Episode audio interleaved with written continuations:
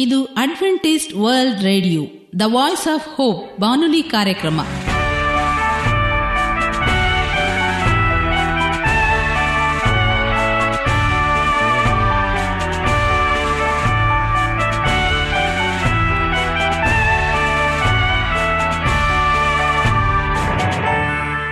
ನಮಸ್ಕಾರ ಪ್ರೀತಿಯ ಕೇಳುಗರೆ, ನಮ್ಮ ನಿಲಯದ ಕನ್ನಡ ಕಾರ್ಯಕ್ರಮಕ್ಕೆ ತಮ್ಮೆಲ್ಲರಿಗೂ ಆತ್ಮೀಯ ಸುಸ್ವಾಗತ. ಮುಂದಿನ ಮೂವತ್ತು ನಿಮಿಷಗಳಲ್ಲಿ ಸುಮಧುರವಾದ ಹಾಡುಗಳು, ಆರೋಗ್ಯದ ಸಂದೇಶ, ಮಕ್ಕಳಿಗೆ ನೀತಿ ಕಥೆಗಳು ಹಾಗೂ ದೇವರ ವಾಕ್ಯವನ್ನು ಕೇಳೋಣ. ಈ ಕಾರ್ಯಕ್ರಮ ನಿಮಗೆ ಸಂತೋಷವನ್ನು ಕೊಡಲೆಂದು ಕೋರುತ್ತೇವೆ. ಈ ಕಾರ್ಯಕ್ರಮದ ಪ್ರಾರಂಭದಲ್ಲಿ ಸುಮಧುರವಾದ ಗೀತೆಯೊಂದನ್ನು ಕೇಳೋಣ.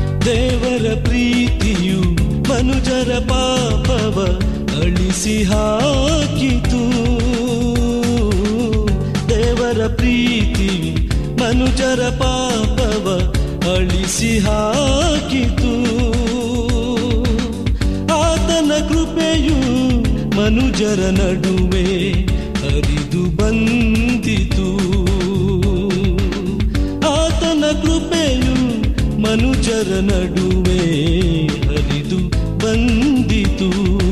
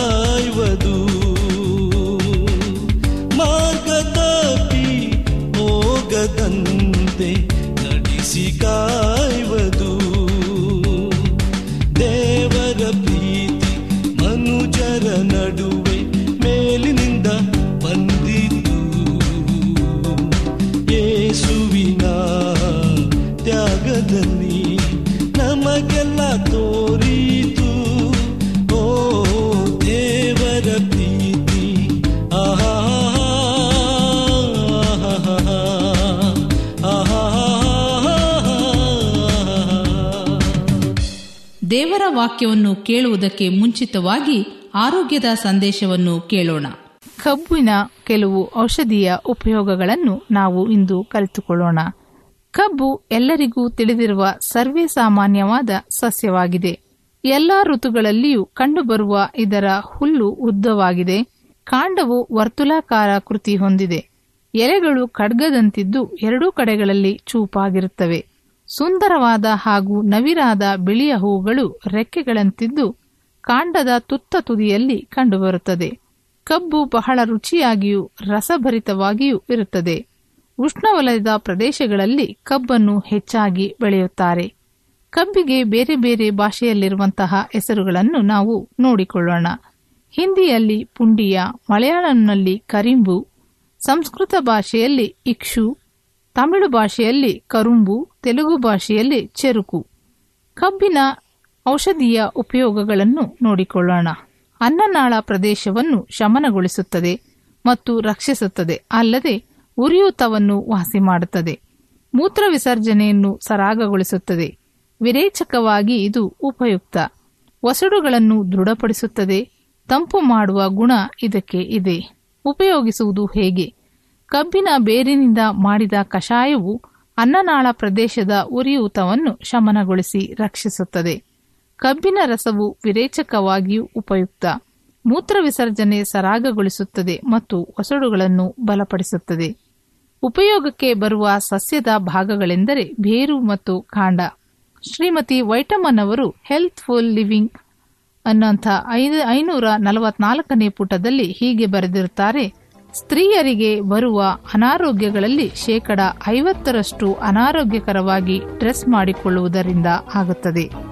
ಇತರ ಎಲ್ಲಾ ಕಾರಣಗಳಿಗಿಂತಲೂ ಹೆಚ್ಚಾಗಿ ಅತ್ಯಾಧುನಿಕ ಫ್ಯಾಷನ್ ಬಟ್ಟೆಗಳನ್ನು ಧರಿಸುವುದರಿಂದ ಜನರು ಅಧಿಕವಾಗಿ ಸಾಯುತ್ತಾರೆ. ವಂದನೆಗಳು. ಈಗ ಮತ್ತೊಂದು ವಿಶೇಷ ಗೀತೆಯೊಂದನ್ನು ಕೇಳೋಣ. ಈ ಹಾಡನ್ನು ಕೇಳಿದ ಮೇಲೆ ನಿಮ್ಮ ಮನಸ್ಸು ದೇವರ ವಾಕ್ಯವನ್ನು ಕೇಳಲು ಸಿದ್ಧವಾಗಿದೆ ಎಂದು ತಿಳಿದಿದ್ದೇವೆ.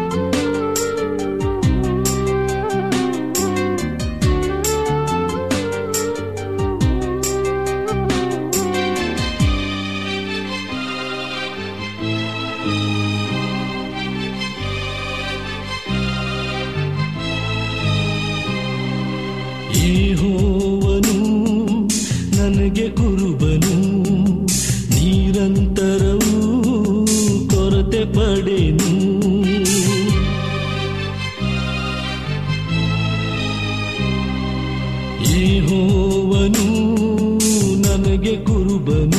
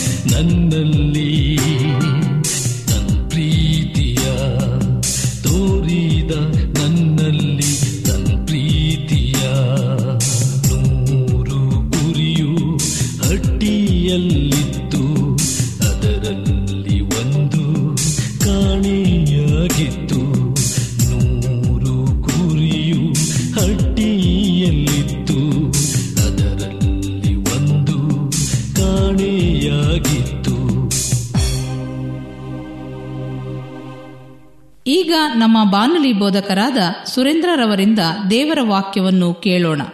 ನಮಸ್ಕಾರ ಪ್ರೀತಿಯ ಆತ್ಮೀಯ ಕೇಳುಗರೆ. ಇದು ಅಡ್ವೆಂಟಿಸ್ಟ್ ವರ್ಲ್ಡ್ ರೇಡಿಯೋ ಅರ್ಪಿಸುವ ಅನುದಿನದ ಮನ್ನಾ ಕನ್ನಡ ಕಾರ್ಯಕ್ರಮಕ್ಕೆ ತಮ್ಮೆಲ್ಲರಿಗೂ ನಿಮ್ಮ ಪ್ರೀತಿಯ ಬಾನುಲಿ ಬೋಧಕನಾದ ಸುರೇಂದ್ರನು ಮಾಡುವ ನಮಸ್ಕಾರಗಳು. ಈ ಕಾರ್ಯಕ್ರಮವು ನಿಮಗೆ ಸಮಾಧಾನ ತಂದಿದೆ ಎಂದು ನಾವು ನಂಬುತ್ತೇವೆ. ಈ ರೇಡಿಯೋ ಕಾರ್ಯಕ್ರಮದ ಮೂಲಕ ನಿಮ್ಮ ಕುಟುಂಬದಲ್ಲಿ ಸಮಾಧಾನ ಶಾಂತಿ ನೀಡಲಿ ಎಂದು ಪ್ರಾರ್ಥನೆ ಮಾಡುತ್ತೇವೆ. ನಿಮ್ಮ ಅನಿಸಿಕೆ ಹಾಗೂ ಪ್ರಾರ್ಥನಾ ವಿಜ್ಞಾಪನೆಗಳು ಇರುವುದಾದರೆ ನೀವು ನಮಗೆ ಪತ್ರದ ಮೂಲಕವಾಗಿಯೂ ಅಥವಾ ದೂರವಾಣಿ ಮೂಲಕವಾಗಿಯೂ ಸಂಧಿಸಬಹುದು. ನಮ್ಮ ದೂರವಾಣಿ ಸಂಖ್ಯೆಯು ಒಂಬತ್ತು ಸೊನ್ನೆ ಆರು ಸೊನ್ನೆ ಆರು ಎಂಟು ನಾಲ್ಕು ಏಳು ಏಳು ಮೂರು ಹಾಗೂ ಒಂಬತ್ತು ಒಂದು ಮೂರು ಒಂಬತ್ತು ಎರಡು ಎರಡು ಮೂರು ಮೂರು ಎಂಟು ಆರು.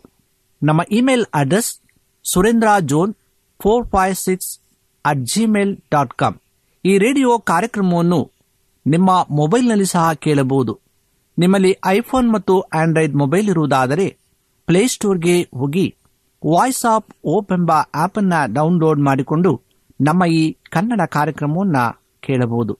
ಈ ಕಾರ್ಯಕ್ರಮದ ಮೂಲಕ ನೀವು ದೇವರ ಅದ್ಭುತಗಳನ್ನು ಹೊಂದಿರುವುದಾದರೆ ನಿಮ್ಮ ಸಾಕ್ಷಿಯ ಜೀವಿತವನ್ನು ನಮ್ಮ ಕೂಡ ಹಂಚಿಕೊಳ್ಳುವಾಗೆ ತಮ್ಮಲ್ಲಿ ಕೇಳಿಕೊಳ್ಳುತ್ತೇವೆ. ಪ್ರಿಯ ಕೇಳುಗರೆ, ಇಂದಿನ ಕಾರ್ಯಕ್ರಮ ಕೇಳಲು ಕಾತರದಿಂದ ಎದುರು ನೋಡುತ್ತಿರುವ ನಿಮ್ಮೆಲ್ಲರಿಗೂ ಮತ್ತೊಮ್ಮೆ ತುಂಬು ಹೃದಯದ ಸ್ವಾಗತವನ್ನು ಬಯಸ್ತೇವೆ.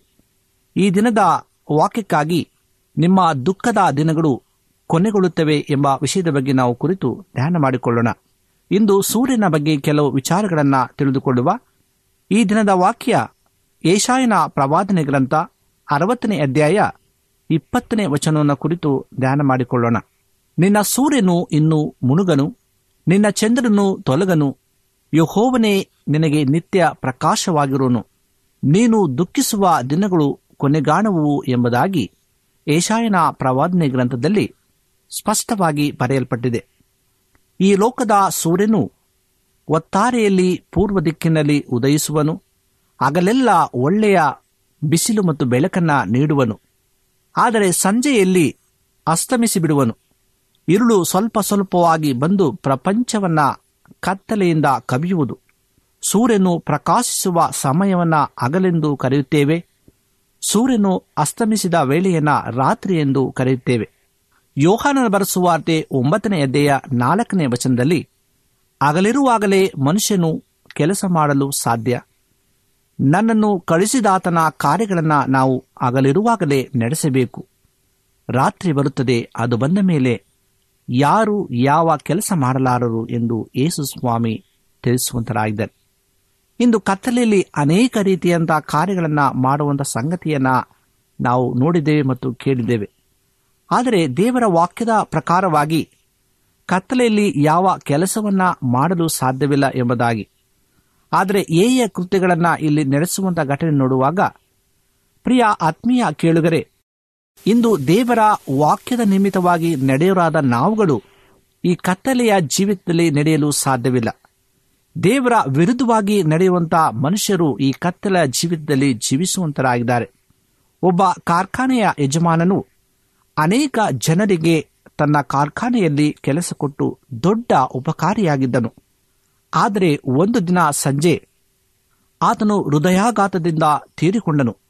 ಆಗ ಅವರ ಮಗನು ಅಳುತ್ತಾ ಗೋಳಾಡುತ್ತಾ ಕಣ್ಣೀರಿಡುತ್ತಾ ನಮ್ಮ ತಂದೆಯವರು ಸಾವಿರಾರು ಕುಟುಂಬಗಳಿಗೆ ಸೂರ್ಯನಂತೆ ಬೆಳಕಾಗಿ ಇದ್ದರು. ಆದರೆ ಅಯ್ಯೋ, ಆ ಸೂರ್ಯನು ಇಂದು ಮುಳುಗಿ ಹೋಗಿತು ಇದುವರೆಗೆ ನಾವು ನಮ್ಮ ತಂದೆಯವರ ನೆರಳಿನಲ್ಲಿ ಜೀವಿಸುತ್ತಿದ್ದೇವೆ. ಈಗಲಾದರೂ ಅನಾಥರಾಗಿ ನಿಂತಿದ್ದೇವೆಂದು ಕಣ್ಣೀರಿಂದ ಗೋಳಾಡುತ್ತಾ ಆತನು ಈ ಒಂದು ಮಾತನ್ನ ಹೇಳಿದನು. ಆತ್ಮೀಯ ಕೇಳುಗರೆ, ಆದರೆ ನಮ್ಮ ನೀತಿ ಸೂರ್ಯನಾದ ಯೇಸು ಸ್ವಾಮಿಯು ಎಂದು ಮರೆಯಾಗುವುದೇ ಇಲ್ಲ. ಆತನು ಎಂದಿಗೂ ಅಸ್ತಮಿಸುವುದೇ ಇಲ್ಲ. ಸದಾಕಾಲವೂ ಆತನು ಪ್ರಕಾಶಿಸುವಂತನಾಗಿದ್ದಾನೆ. ಆತ ನಮಗೆ ನಿತ್ಯ ಬೆಳಕಾಗಿದ್ದಾನೆ ಎಂಬುದನ್ನು ನಾವು ಎಂದಿಗೂ ಸಹ ಮರೆಯಬಾರದು. ಸೂರ್ಯನ ಬೆಳಕು ನಮಗೆ ಶಾಖವನ್ನು ನೀಡುತ್ತದೆ. ಸೂರ್ಯನ ಬೆಳಕು ಪವಿತ್ರಾತ್ಮನಿಗೆ ಸೂಚನೆಯಾಗಿದೆ. ಸೂರ್ಯನು ಕತ್ತಲೆಯನ್ನ ಹೋಗಲಾಡಿಸುವ ಹಾಗೆ ನಮ್ಮ ಕರ್ತನು ನಿಮ್ಮ ದುಃಖವನ್ನ ಹೋಗಲಾಡಿಸುತ್ತಾನೆ. ನಿಮ್ಮ ಎಲ್ಲ ಅನೀತಿಯನ್ನ ಸಂಪೂರ್ಣವಾಗಿ ತೊಳೆದು ಶುದ್ಧಿಪಡಿಸುತ್ತಾನೆ.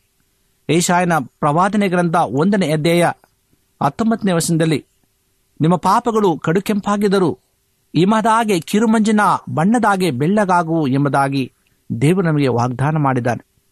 ನಾವು ಕತ್ತಲೆಯ ಜೀವಿತವನ್ನು ಬಿಟ್ಟು ಕತ್ತಲೆಯಲ್ಲಿ ನಡೆಯುವಂಥ ಕಾರ್ಯಗಳಿಗೆ ನಾವು ಮನಗೊಡದೆ ಸೂರ್ಯನ ಬೆಳಕಿನಲ್ಲಿ, ಆತನ ತೇಜಸ್ಸಿನಲ್ಲಿ ನಾವು ಬೆಳಕಿನವರಾಗಿ ಜೀವಿಸುವಂತೆ ದೇವರು ಇಂದು ನಮ್ಮನ್ನು ಆಹ್ವಾನಿಸುವಂತನಾಗಿದ್ದಾನೆ.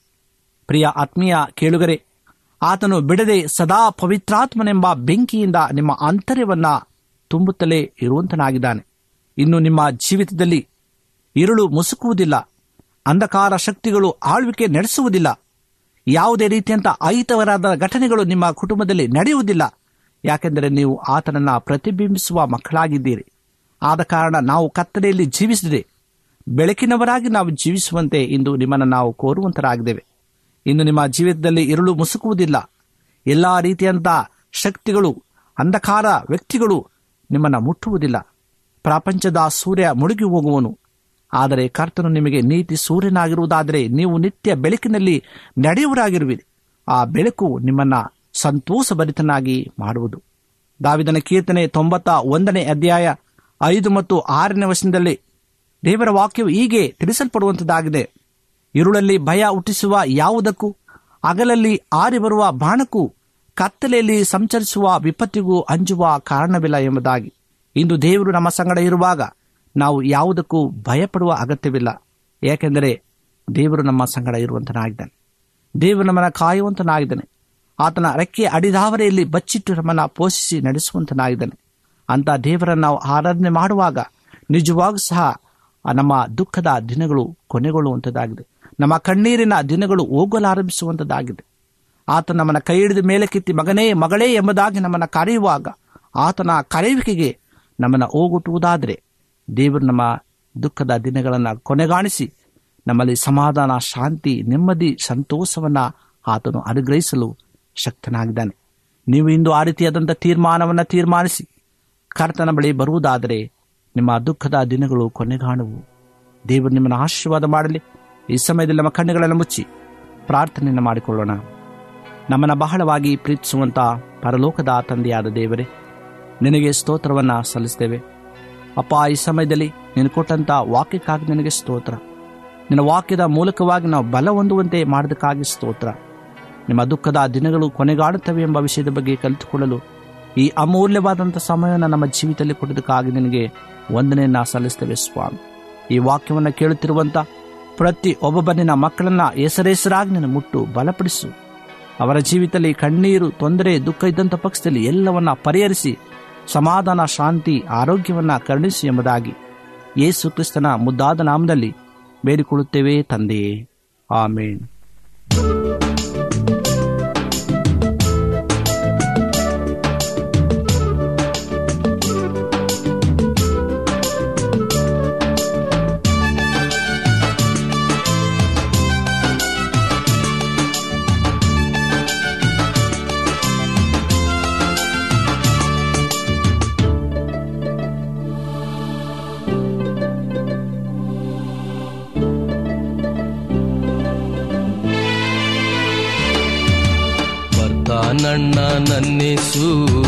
ಸೈನ್ಯದೊಡನೆ ಮಾಡ್ತಾನಣ್ಣ ನನ್ನೇಸು ನೂತನ ರಾಜ್ಯವನು.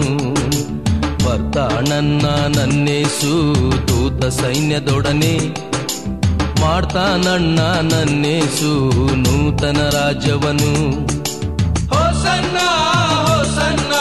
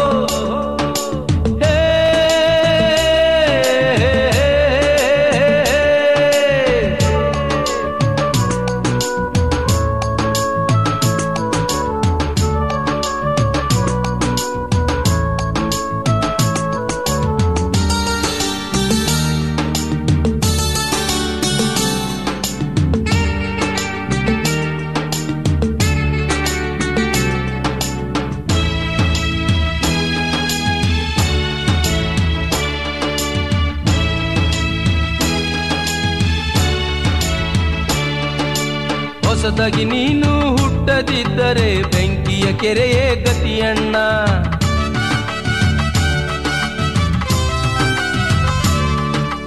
ಹೊಸದಾಗಿ ನೀನು ಹುಟ್ಟದಿದ್ದರೆ ಬೆಂಕಿಯ ಕೆರೆಯೇ ಗತಿಯಣ್ಣ. ಹೊಸ ರಾಜ್ಯದಲ್ಲಿ ನಿನಗೆ ಎಂದು ಸ್ಥಳವಿಲ್ಲಣ್ಣ. ಹೊಸ ರಾಜ್ಯದಲ್ಲಿ ನಿನಗೆ ಎಂದು ಸ್ಥಳವಿಲ್ಲಣ್ಣ. ಆ ದೇವರ ನಂಬಿ ಪಡೆದುಕೋ ಕೃಪೆಯನ್ನ ಆ ದೇವರ ನಂಬಿ ಪಡೆದುಕೋ ಕೃಪೆಯನ್ನ. ಬತ್ತ ನನ್ನ ನನ್ನೇಸು, ದೂತ ಸೈನ್ಯದೊಡನೆ. ಮಾಡ್ತಾನಣ್ಣ ನನ್ನೇಸು, ನೂತನ ರಾಜ್ಯವನು. ಬರ್ತಾರಣ್ಣ ನನ್ನೇಸು, ದೂತ ಸೈನ್ಯದೊಡನೆ. ಮಾಡ್ತಾನಣ್ಣ ನನ್ನೇಸು, ನೂತನ ರಾಜ್ಯವನು.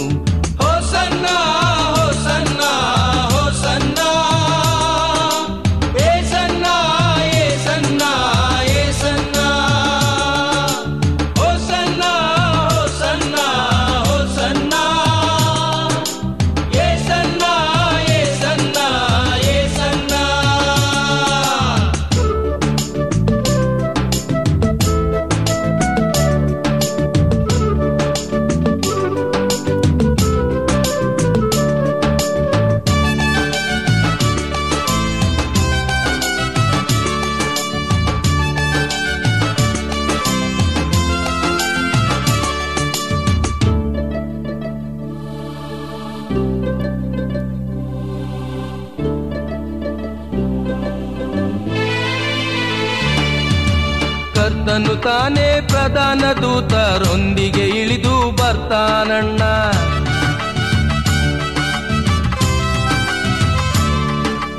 ಕರ್ತನು ತಾನೇ ಪ್ರಧಾನ ದೂತರೊಂದಿಗೆ ಇಳಿದು ಬರ್ತಾನಣ್ಣ. ಜೀವಬಾಧ್ಯರ ಪಟ್ಟಿಯಂತೆ ಪ್ರತಿಫಲವ. ನೀಡ್ತಾನಣ್ಣ ಜೀವಬಾಧ್ಯರ ಪಟ್ಟಿಯಂತೆ ಪ್ರತಿಫಲವ. ನಿಂಗೆ ನೀಡ್ತಾನಣ್ಣ ದೇವರ ನಂಬಿ ಪಡೆದುಕೋ ಫಲವನ್ನ. ಆ ದೇವರ ನಂಬಿ ಪಡೆದುಕೋ ಫಲವನ್ನ. ಬರ್ತಾನಣ್ಣ ನನ್ನೇಸು, ದೂತ ಸೈನ್ಯದೊಡನೆ. ಮಾಡ್ತಾನಣ್ಣ ನನ್ನೇಸು, ನೂತನ ರಾಜ್ಯವನು ಬರ್ತಾನಣ್ಣ ನನ್ನೇಸು, ದೂತ ಸೈನ್ಯದೊಡನೆ. ಮಾಡ್ತಾನಣ್ಣ ನನ್ನೇಸು, ನೂತನ ರಾಜ್ಯವನು ಬರ್ತಾನಣ್ಣ ನನ್ನೇಸು, ದೂತ ಸೈನ್ಯದೊಡನೆ.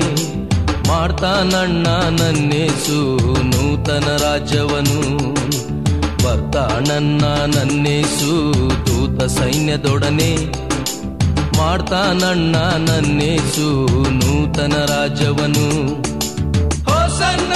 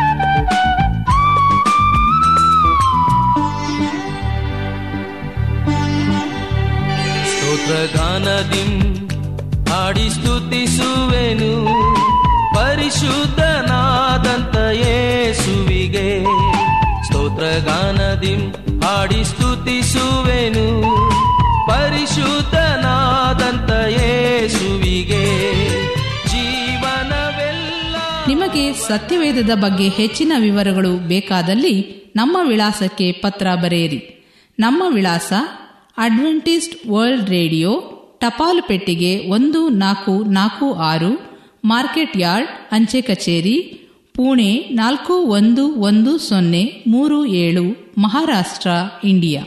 ನಮ್ಮ ಫೋನ್ ನಂಬರ್ ಸೊನ್ನೆ, ಒಂಬತ್ತು, ಸೊನ್ನೆ, ಆರು ಸೊನ್ನೆ, ಆರು, ಎಂಟು, ನಾಲ್ಕು, ಏಳು ಏಳು, ಮೂರು. ಧನ್ಯವಾದಗಳು. ಮತ್ತೆ ಇದೇ ಸಮಯಕ್ಕೆ ನಿಮ್ಮನ್ನು ಭೇಟಿ ಮಾಡುತ್ತೇವೆ. ದೇವರು ನಿಮ್ಮನ್ನು ಆಶೀರ್ವದಿಸಲಿ. ನಮಸ್ಕಾರಗಳು.